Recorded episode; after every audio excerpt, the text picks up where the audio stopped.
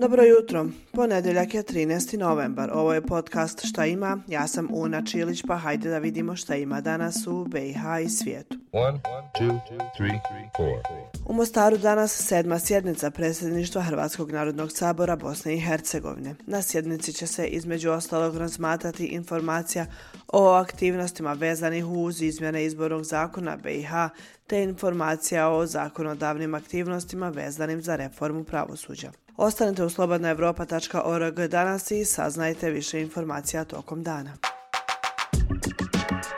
U Sarajevu na platovu ispred Sarajevo City Centra kampanja Poštuj život, ne oružje. Radi se o kampanji koja se provodi istovremeno na teritoriji cijele BiH, a kako navode iz UNDP-a kao odgovor na veliki broj incidenata uzrokovanih vatrenim oružjem sa tragičnim posljedicama koje su se dogodili u bliskoj prošlosti. Cilj kampanje je podizanje svijesti javnosti o opasnostima posjedovanja vatrenog oružja i teškim posljedicama po život i zdravlje ljudi, ali i poziv na konkretnu opštu akciju kako bi se spriječili slučajevi upotrebe oružja te prevenirao i smanjio posjed nelegalnog oružja u BiH.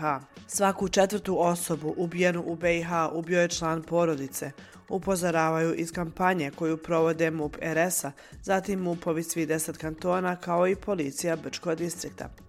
Kampanja skreće pažnju na to da nedozvoljeno posjedovanje vatrenog oružja predstavlja značajan rizik za sigurnost građana i građanki BiH, te poziva na predaju nelegalnog oružja.